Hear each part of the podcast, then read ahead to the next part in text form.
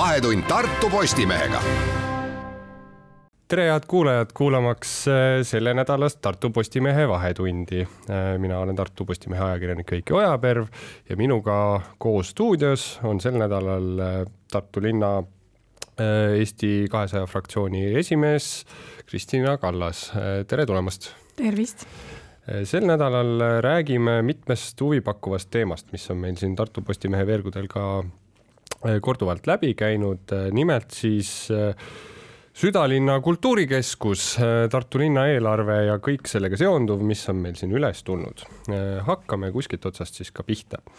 et äh, linnal tuleb nüüd Süku ehituseks ja ettevalmistuseks kokku välja käia oma, omavahenditest ligi kolmkümmend miljonit eurot, kui ma nüüd õigesti mäletan ehitus on muidugi sattunud majanduslikult väga-väga-väga keerulisele ajale, et selleks tuleb ju tohutult laenu võtta, et, et mis äh, teie viimane, viimane arvamus siis äh, sellest hetkel on? No eile me nägime lõpuks volikogus ära ka selle reaalse sisuplaani, et mis sinna sellesse ülisuurde majja sisuliselt on siis planeeritud, sest senimaani me ikkagi rääkisime kar-, karbist, eks ole, maja karbist. Aga esimest korda siis toodi ka linnavolinike ette see sisu.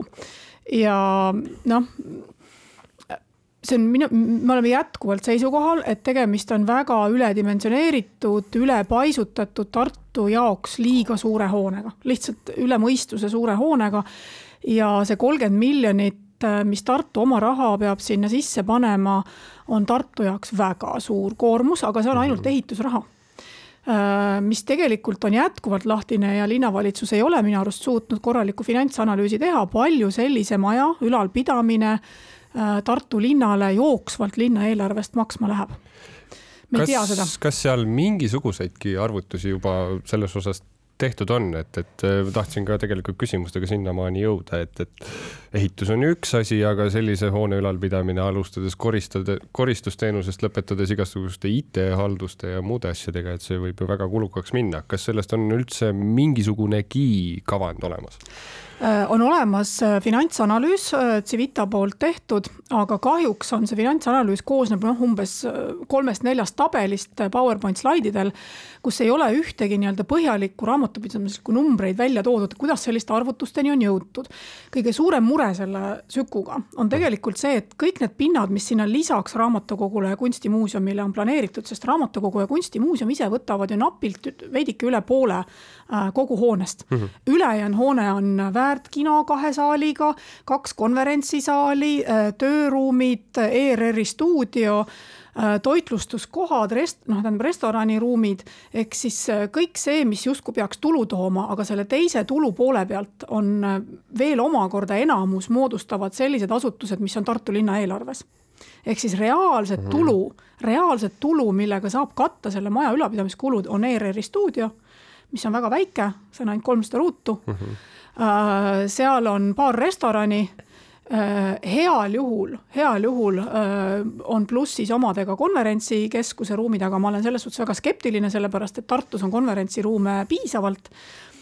ja ma mitte kindlasti ei ole omadega plussis see väärtkino, mis on päris suur osa sellest ja kus Elektriteater siis on planeeritud nii-öelda olema, ma, me täna vaatasime, et kui arvutada selle finantsanalüüsi põhjal, mis Civita on esitanud, siis Elektriteater peaks hakkama Tartu linnale üüri maksma nende ruumide eest kuus vahemikus viis tuhat viissada kuni üksteist tuhat eurot kuus uh,. Uh, uh. see on see, mille alusel on tehtud äh, tulemuse, nii-öelda Süku tulemuslikkuse finantsanalüüs. see ei ole mitte kuidagi realistlik, ma olen täiesti kindel, Elektriteater ei ole kunagi arvestanud oma majandusplaanis sellega, et hakkab tulevikus maksma üksteist tuhat eurot kuus renti Äh, mis tähendab seda et, et üheksakümmend protsenti tõenäoliselt sellest rahast maksab Tartu linn oma eelarvest, et kas Tartu linnal on täna vaja äh, kesklinna kinoteatrit ehitada ja omada?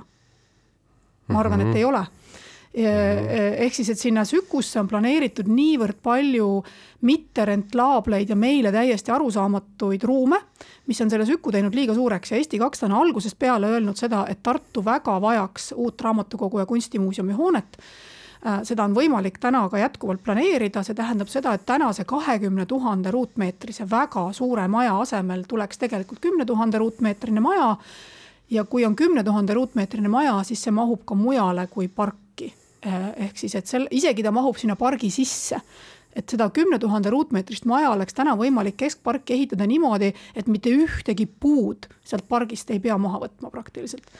ja me oleme kogu aeg seda ettepanekut teinud tegelikult meie jaoks ideaalne raamatukogu kunstimuuseumi uus hoone äh, asukoht oleks Sadama teatri alal täna, kus on mm -hmm. täna Sadama teater selle Emajõe kääru peal. Äh, see ongi eramaa, aga ma arvan, et seal on võimalik läbirääkimisi pidada, kui oleks tahet, nii et noh, meie kriitika Süku kohta on jätkuvalt see, mis on algusest peale olnud, täna on infot rohkem, liiga kallis, liiga suur, Tartule absoluutselt üle jõu käiv, äh, matab ära kogu Tartu linna kultuuri- ja hariduseelarve äh, järgnevateks kümnenditeks ja kümnenditeks ja väga valesse kohta on ta praegu nii suurena planeeritud.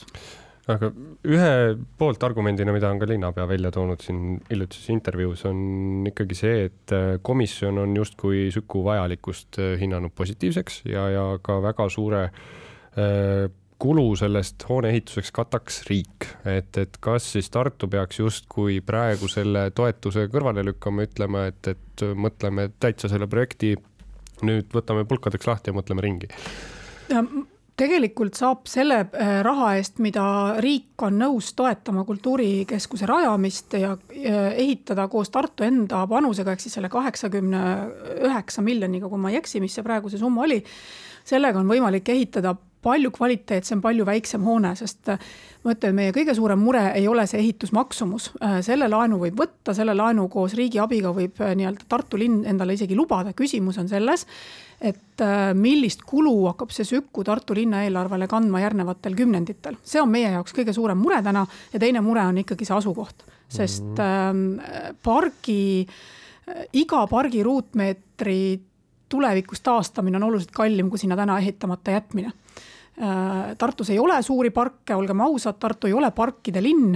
ja, ja see väikenegi park, mis siin kesklinnas on, mis inimestele on väga oluline, ma arvan, et see ei ole õige koht, kuhu seda Sükut täna ehitada aga linnaeelarvelistes äh, küsimustes tuleme ka sellise teema juurde, et, et äh, üleüldiselt laenamisest rääkides äh, kommenteerisite, et ähm, selline laenu võtmine, nagu tulevaks aastaks plaanitud on, võtab Tartu arengul hinge kinni.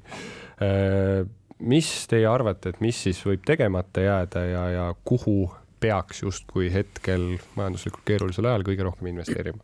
tähendab, äh, ma, ma kommenteerisin, et hinge võtab kinni tegelikult äh, seesama äh, Süku planeeritud laen pikas mm -hmm, plaanis mm. -hmm et kui me täna juba laename päris korralikult, Tartu laenukoormus ületab tänaseks juba seda kuutekümmet protsenti neto, netotulemuse võlakoormusest, mis seaduses on tegelikult omavalitsusele lubatud. laenu võtta, no täna kaheksakümmend on ajutine pikendus mm. -hmm Äh, kaheksakümmend ei ole seaduses. ehk siis Tartu on juba seaduses ette nähtud normist üle läinud, loot-, lootes siis seda, et äh, erand tehakse reegliks. aga noh, see on selline lootus ähm, Äh, ehk siis, et Tartu laenab rohkem, kui kunagi on meil ajaloos kokku lepitud, et Tartu peaks laenama. ma iseenesest ei kritiseeri tänast laenamist, sellepärast et see, mille mhm. peale see raha kulub äh, järgnevatel, järgmisel aastal, on igati õigustatud ja, ja ma arvan, et seal on tehtud väga häid otsuseid.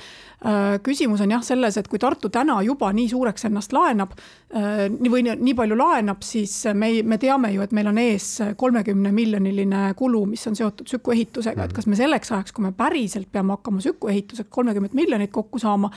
kas me selleks ajaks tegelikult ei ole ennast laenamisega juba, juba väga nagu nõrka positsiooni mänginud ja see on see, mis me ka eile volikogus kordi ja kordi äh, linna käest küsisime, linnavalitsuse käest et kuidas on ikkagi pikas plaanis Tartu võlakoormaga hakkama saamine planeeritud siis noh, kuidagi tulid ülioptimistlikud vastused, et küll me hakkama saame, pole muret, aga me täna juba teame, et sellest laenust, mida me võtame järgmiseks aastaks, Tartu võtab järgmiseks aastaks nelikümmend üks miljonit mm. eurot äh, laenu sellest laenust üheksa miljonit läheb eelmiste laenude tagasimakse teenindamiseks. -hmm. ehk siis, et noh, saate isegi aru, kui suure osa tegelikult äh, peaaegu neljandiku, eks ole -hmm. tänasest laenust äh, võtame me eelmiste laenude tagasimakseks, ehk siis kui Süku ehitus nüüd peaks kohale jõudma ja meil on vaja võtta kakskümmend viis miljonit laenu siis me peame ilmselt võtma laenu kolmkümmend viis miljonit või nelikümmend viis miljonit, sellepärast et meil on vähemalt kümme kuni viisteist miljonit vaja juba eelmiste laenude kustutamiseks võtta laenu nii et eh, noh, see on see lumepall, mille pärast Eesti kakssada on Tartu linnaeelarve puhul väga mures mm. -hmm ühe suure osana, millest eelarves räägitakse, on ähm, Tartu linnas palkade tõus, et palkade tõus, mis puudutab nii ametnikke kui ka allasutuse ametnikke, näiteks lasteaiaõpetajad, nii edasi, et, et ähm, siinkohal olete sõna võtnud ja meie arvates ka noh, toimetuse arvates ka tegelikult või minu isiklikul arvamusel väga mõistliku koha pealt, et Tartus on kas ligi kuussada, kuussada inimest, kelle brutopalk jääb alla tuhande euro. Ähm, Just. mis siin valesti tehtud on, kuidas, kuidas, kuidas see siis nii valesti läinud on lõpuks, et meil on lasteaiaõpetaja abid, kes saavad? just, äh, see oli meile kui uutele volikogu liikmetele ikkagi väga suur äh, üllatav šokk see uudis, kui me nägime revisjonikomisjoni koosolekul, kus meile anti Tartu linna palgal olevate inimeste palgamäärade ülevaade ja siis selgus, et Tartu linnas on ligi kuussada töökohta, kus täiskohaga ehk siis kaheksa tundi päevas töötav inimene saab alla tuhande euro brutopalka. me ei räägi siin osalise tööajaga või mhm. lisatööga, see on täiskohaga töötamise eest saadav palgamäär ja, ja noh, see ei ole kindlasti aktsepteeritav ega Tartu linnale nagu vääriline. Ähm, need ametikohad on äh, lasteaiaõpetajate abid, äh, sotsiaalhoolekandes äh, koristajad ja abid. Need on noh, Tartu kalmistutel päris palju noh, hauakaevad, traktoristid no,, hooldajad, kalmistute töö. hooldajad, see on, aga noh, see on kaheksa tundi tööd mm. -hmm. see ei ole see, et ta tuleb, kaevab ühe haua ära ja, ja saab sellest mhm, seitsesada mm -hmm., ei, ta, ta käib kaheksa tundi iga päev tööl. ja see on palgavaesus sest selle rahaga ei ole, sa käid täiskohaga tööl, aga selle rahaga ei ole võimalik ära elada. Äh, Aa, ja siis meil on muidugi ka kultuuritöötajate kultuurivaldkonnas äh, raamatukogude administraatorid, muuseumite administraatorid, äh, need inimesed saavad kaheksatunnise tööpäeva eest alla, alla tuhande euro brutopalka. Nüüd me küsisime linna käest, kui palju oleks vaja eelarves juurde arvestada seda, kui Tartu linn teeks otsuse, poliitilise otsuse, et Tartu linnas on alampalk või miinimumpalk tuhat eurot. Mm. -hmm see lisakulu järgmise aasta eelarvele oleks kõigest, meie arvates kõigest üks koma kaheksa miljonit, selleks, et mhm, nendele mhm. kuuesajale inimesele tegelikult väärikat palka maksta.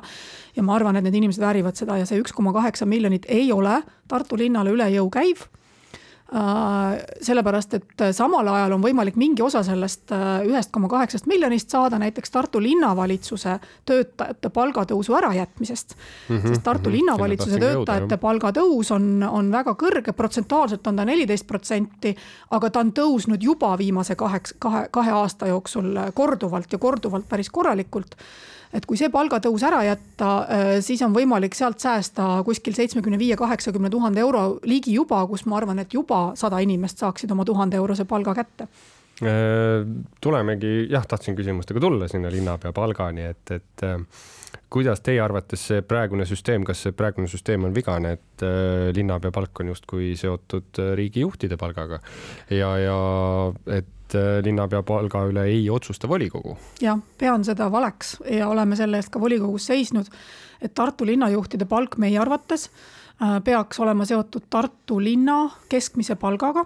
seda on Statistikaamet arvutab seda kvartaalselt, meil on võimalik alati välja võtta see, palju Tartu linnas inimesed keskmiselt palka saavad Äh, ehk siis, et kui nad tõstaksid kultuuritöötajate palkasid, siis tõuseks ka Tartu linna keskmine palk ja siis tõuseks ka linna, linnajuhtide palk. täna linnajuhtide palk ei ole mitte kuidagi seotud Tartu linna elanike sissetulekutega ega Tartu linna nii-öelda majandustoimimisega mm. -hmm. ta on seotud reaalselt Eesti riigi majandusnäitajatega, inflatsiooniga, sotsiaalmakse laekumisega riigikassasse. ehk siis, kui ütleme, Tallinnal ja Harjumaal läheb väga hästi, siis mingil põhjusel ka Tartumaa, Tartu linna valitsuse liikmetel palgad mm -hmm. tõusevad Äh, ma ei pea seda absoluutselt õigeks, ma arvan, Tartu linna keskmise palgaga sidumine oleks, oleks õiglane ja teine on kindlasti see, et äh, iga aasta oleks õiglane see, et Tartu linna volikogu tegelikult kinnitab selle palgatõusu oma hääletusega. mitte nii, et see toimub automaatselt ja täna volikogu sisuliselt ei näegi äh, Tartu linnavalitsuse liikmete palgatõusu, et ma ei pea seda absoluutselt õigeks mm. -hmm Äh, ühe teemana on opositsioon on tõstatanud ka sihukese teema, et Tartu linnas on äh, ametkond liiga suur. mis teie arvate, saaksime Tartu linnas vähema ametkonnaga hakkama mm.? seda ei ole otseselt meie tõstatanud mm, -hmm. äh, aga see on üleüldine Eesti administratiivse süsteemi probleem, et meil on väga palju tööl inimesi või ametikohti, kus inimene lihtsalt menetleb bürokraatlikult teatud dokumente, ta lihtsalt menetleb, ta tuleb hommikul tööle mm -hmm. ja ta hakkab menetlema mingeid pabereid, ta tegelikult ei loo mitte mingisugust lisandväärtust, eks ole, mitte kellelgi ei lähe sellest tegelikult elu paremaks noh, mina olen seda natuke ebaviisakalt nimetanud lihtsalt lolli töö tegemiseks et äh, see inimene ise tõenäoliselt tööd tehes väga õnnelik ei ole, noh, mingi palga ta selle eest saab, aga see on ka kulu ühiskonnale, väga suur kulu. ja, ja seal oleks mõistlik ikkagi targalt kasutada andmeid, äh, tehisintellekti, äh, tänapäeva tehnoloogiat, arvutisüsteeme, kes kogu selle menetlemise ikkagi automatiseeritult ära teevad. ma toon teile hästi jabura näite, kus, kus selline olukord oli. selline olukord oli Ukraina põgenikele üüritoetuste väljamaksmisel, kus linnavolikogu pidi hääletama ja andma linnavalitsusele õiguse siis äh, Sotsiaalkindlustusametiga sõlmida mingi koostööleping, mille alusel Sotsiaalkindlustusamet kõigepealt arvutab, Tartu linn annab Sotsiaalkindlustusametile teada, palju nende territooriumil elab Ukraina sõjapõgenikke mm. -hmm. sotsiaalkindlustusamet arvutab välja Äh, selle alusel üüritoetuse, kannab selle nii-öelda Tartu linna äh, eelarvesse, Tartu linna eelarves on siis äh, tööl inimesed, kes tuli lisaks tööle võtta selleks, kes siis hakkavad nii-öelda seda toetust automaat, nii-öelda menetlema ja need, neid taotlusi menetlema ja neid väljamakseid nagu tegema. seal oli kaks infosüsteemi, Sotsiaalkindlustusameti infosüsteemi sisse pidi Tartu linn kõigepealt andmed andma, sealt anti mm. -hmm. käsitsi loomulikult, eks. nojah, just saadeti sinna või keegi sisestas andmed, eks ole. siis Sotsiaalkindlustusamet vaatas need andmed üle, selle peale tegi rahaeraldise Äh, kandis edasi ja siis Tartu linn pidi oma andmesüsteemis hakkama siis eraldi neid taotlusi menetlema. selle asemel, et Sotsiaalkindlustusamet teeks järelpärimise automaatselt rahvastikuregistrisse, kus on teada, kui palju on ukrainlasi registreerinud ennast elama Tartu linna -hmm. sellepärast et nad on, eks ole, elamisloa taotlemisel ju tegelikult oma aadressi registreerinud, nii. rahvastikuregistris on teada, palju on Tartu linnas registreerinud, millisele aadressile inimesi mm, -hmm. nendele inimestele tuleks saata välja automaatteade Sotsiaalkindlustusametile Sotsiaalkindlustusametist, et teil on õigus taotleda, eks ole, üüritoetust. Äh, kui nad sellele automaatteatele ütlevad, et jah, ma olen nõus, mul on seda üüritoetust vaja, see, need andmed liiguvad sotsiaalkindlustuse sinnasamasse andmebaasi, eks ole, masinale antakse teada, et see inimene on andnud oma nõusoleku mm -hmm. ja sellele inimesele teeb masin automaatselt väljamakse taotluse, genereerib selle, eks ole, registreerib selle süsteemis mm -hmm. ja, ja nii-öelda pangalt läheb siis äh, väljamakse, sellepärast et ega seal ei ole midagi menetleda seadusega mm -hmm. on sellel inimesel õigus see raha saada ja seal vahel ei ole vaja tegelikult mitte ühtegi inimest tööle võtta äh, selleks, et seda asja menetleda. täna pidi Tartu linn kõigepealt tooma selle paberi volikogusse, siis me volikogus menetlesime seda, siis võeti tööle lisaks inimesed, kes hakkasid neid taotlusi menetlema, keegi Sotsiaalkindlustusametis pidi lisaks oma töötunde juurde tegema selleks, et seda kõike menetleda. ja nüüd tuletame meelde, et Eestis on seitsekümmend üheksa omavalitsust. Ehk siis sellesama protseduuri tegime üle Eesti läbi seitsekümmend üheksa korda täpselt nii. ja siis te näete, kus see raha läheb, eks ole. aga mul ongi nagu see küsimus tekkinud ka, et äh, mul on väga palju sõpru IT-s, äh, tuttavaid, äh, kes tegelevad täpselt selliste süsteemide automatiseerimisega eraettevõtluses, et, et võimalikult vähe neid liigutusi oleks, näiteks noh, kasvõi pangas, kus ka samamoodi laenutaotlustega, et oleks võimalikult vähe inimesi, kes sellega tegelema peaks seal vahel kui eraettevõtluses või kui tähendab era, erasektoris need uuendused pidevalt toimuvad, miks linna tasandile niisugused uuendused ei jõua äh,? väga lihtne põhjus äh,, erasektori eesmärk on kasumi teenimine ja omanik äh, on väga huvitatud sellest, et kogu protseduur töötaks nii, et tema saaks kõige suuremat kasumit sellest, eks ole, mis tähendab seda, et ta muudab hästi tõhusaks, efektiivseks ta, ta peab olema innovatiivne, sellepärast et kui ta innovatsiooniga kaasas ei käi, siis tema kasum põhimõtteliselt äh, kuivab mm, -hmm. kuivab kokku, eks ole kahjuks äh, riigiaparaadil või kohalikul omavalitsusel seda eesmärki ei ole, ei ole ka valija nõudlikkust, sest valija jaoks on selline äh, kulu ja selline asi nagu nähtamatu, noh ta lihtsalt ei näe seda, on ju, mhm, ta ei mhm. näe seda, ta ei, ta ei taju seda. ja siin sõltub nüüd innovatsioon ainult sellest, milline on liider ja liidrid, kas nemad näevad seda ja kas nemad julgevad seda innovatsiooni sealt sisse viia, sest valija jaoks ei ole see tõesti nagu asi, mida ta näeb. ja mida ta oma rahakoti peal justkui nagu otseselt tajub, ta tajub elektri hinda oma mhm, rahakoti peal, aga ta ei taju seda, kui palju tegelikult tema maksudest läheb sellise rumala töö tegemise peale mille tõttu jääb näiteks Tartu linnas ehitamata üks koolimaja, eks ole, kümne aasta jooksul, sest see raha lihtsalt kulub, äh, põleb nendes bürokraatlikes protseduurides, ta põleb seal ära et äh, tahaks küll ikkagi, et Tartu linn oleks hästi innovatiivse juhtimisega ja me näeksime, me suudaksime ise nagu automatiseerida need, äh, need protsessid. meil on Eestis riigi tasandil väga hea äh, edulugu ja see on Maksuamet mm. -hmm kõik on automatiseeritud, noh, ei ole sellist asja, et kui te esitate maksudeklaratsiooni, eks ole, aasta lõpus ja teil on näiteks pangalaenu intresside äh, tõendit vaja, noh, te ju ei jookse selle paberiga, eks ole, kümne just. asutuse vahelt ja kuskil ei ole inimesed tööle võetud, kes menetlevad selleks, et teile tõendeid välja, väljastada. samas oled välismaalt, oled. toimub automaatselt, eks. välismaalt oled neid lugusid kuulanud, kuidas käib USA-s näiteks just. Äh, see maksude deklareerimine, siis äh, hoiad peast kinni. no just, aga meil on see automatiseeritud, see on suurepärane, see töötab ideaalselt. kui palju Eesti riik hoiab raha kokku äh, selle pealt, et meil on üliefektiivne ja hästi toimiv maksuameti süsteem. noh, ma arvan, et keegi võiks kuskil välja arvutada need, need miljonid need kümned -hmm. miljonid eurod, mis jäävad äh, riigieelarvest kulutamata selle tõttu, et meil on automatiseeritud ja, ja suurandmetel hästi toimiv äh, maksuameti süsteem. kusjuures nali on siin äh, kuulajatel võib-olla hea nali rääkida, et Joakim Helenius, Soome kolleeg, kes nüüdsest on muuseas Eesti kodanik, ütles, et tema kõige suurem nali, mida ta alati oma lääne sõpradele Eesti kohta räägib, et mis see põhinali on, et see nali on tegelikult see, et see on riik kus, kus üheksakümmend kolm protsenti oma elanikest usaldab maksuametit kuna jah, siit kohe tekib küsimus, kuna Eesti kakssada võtab andmete automatiseerimise enda valimisprogrammi? See on meil üleriigilises Riigikogu valimiste programmis üks põhiteemasid.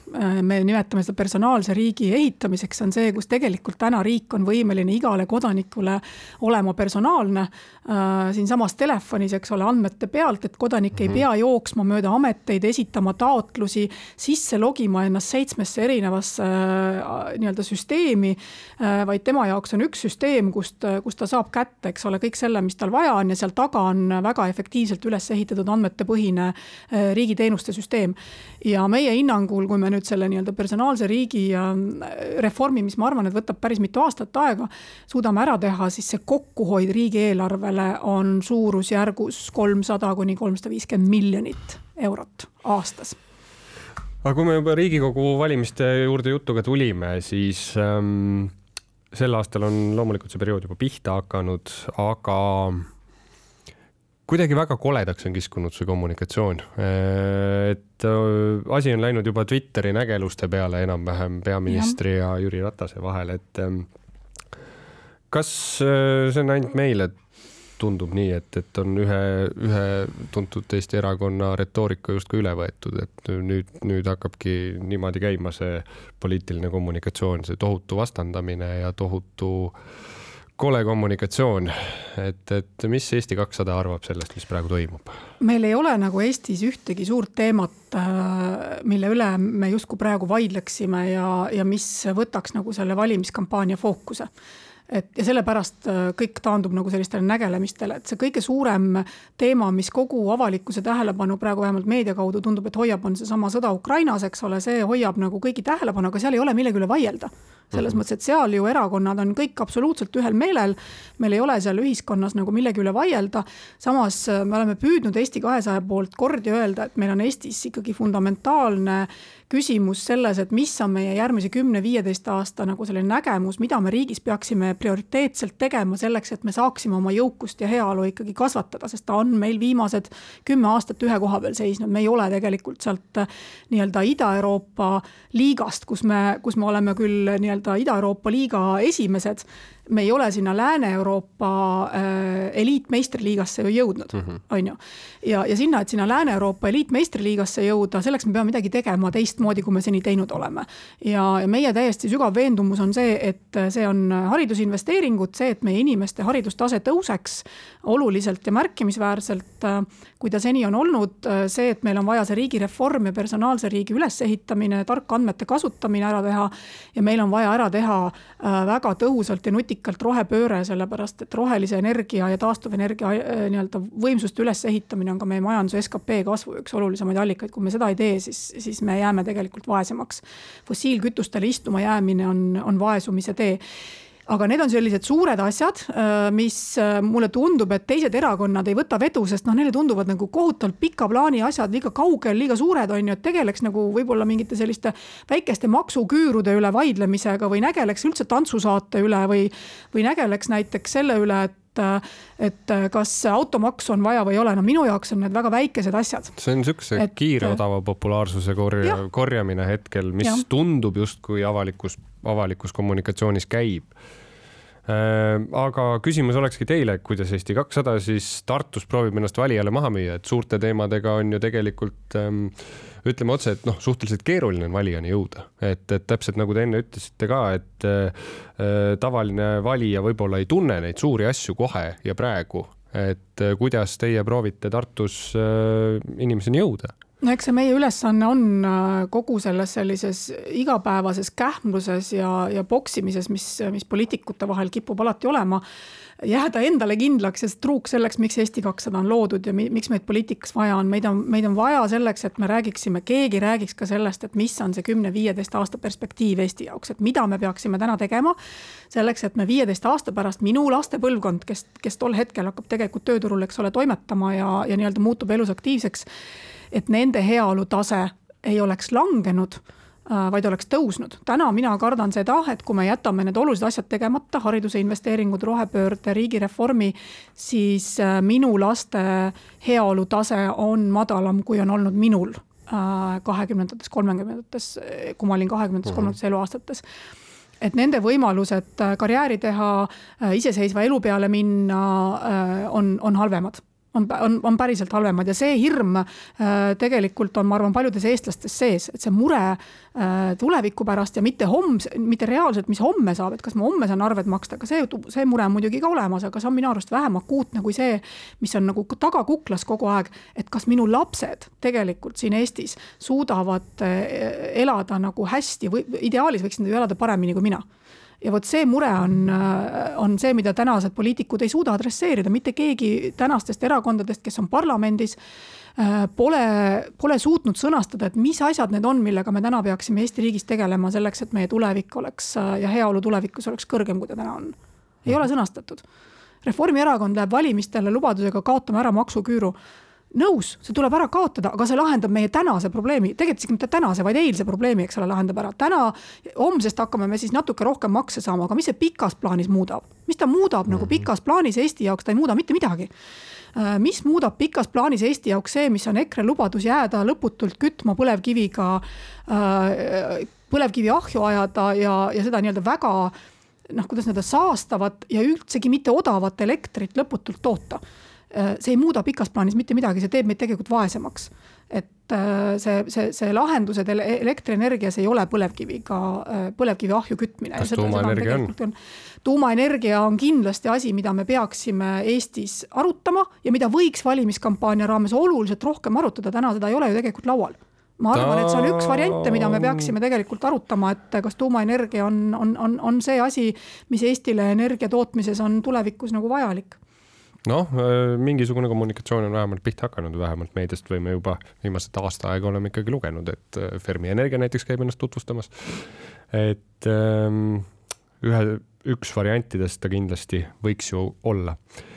aga meil hakkab ka aeg paraku otsa saama ja tänan Kristina Kallas äh, stuudiosse liitumast ja, ja soovin Riigikogu valimistel jõudu ja edu. aitäh kutsumast. aitäh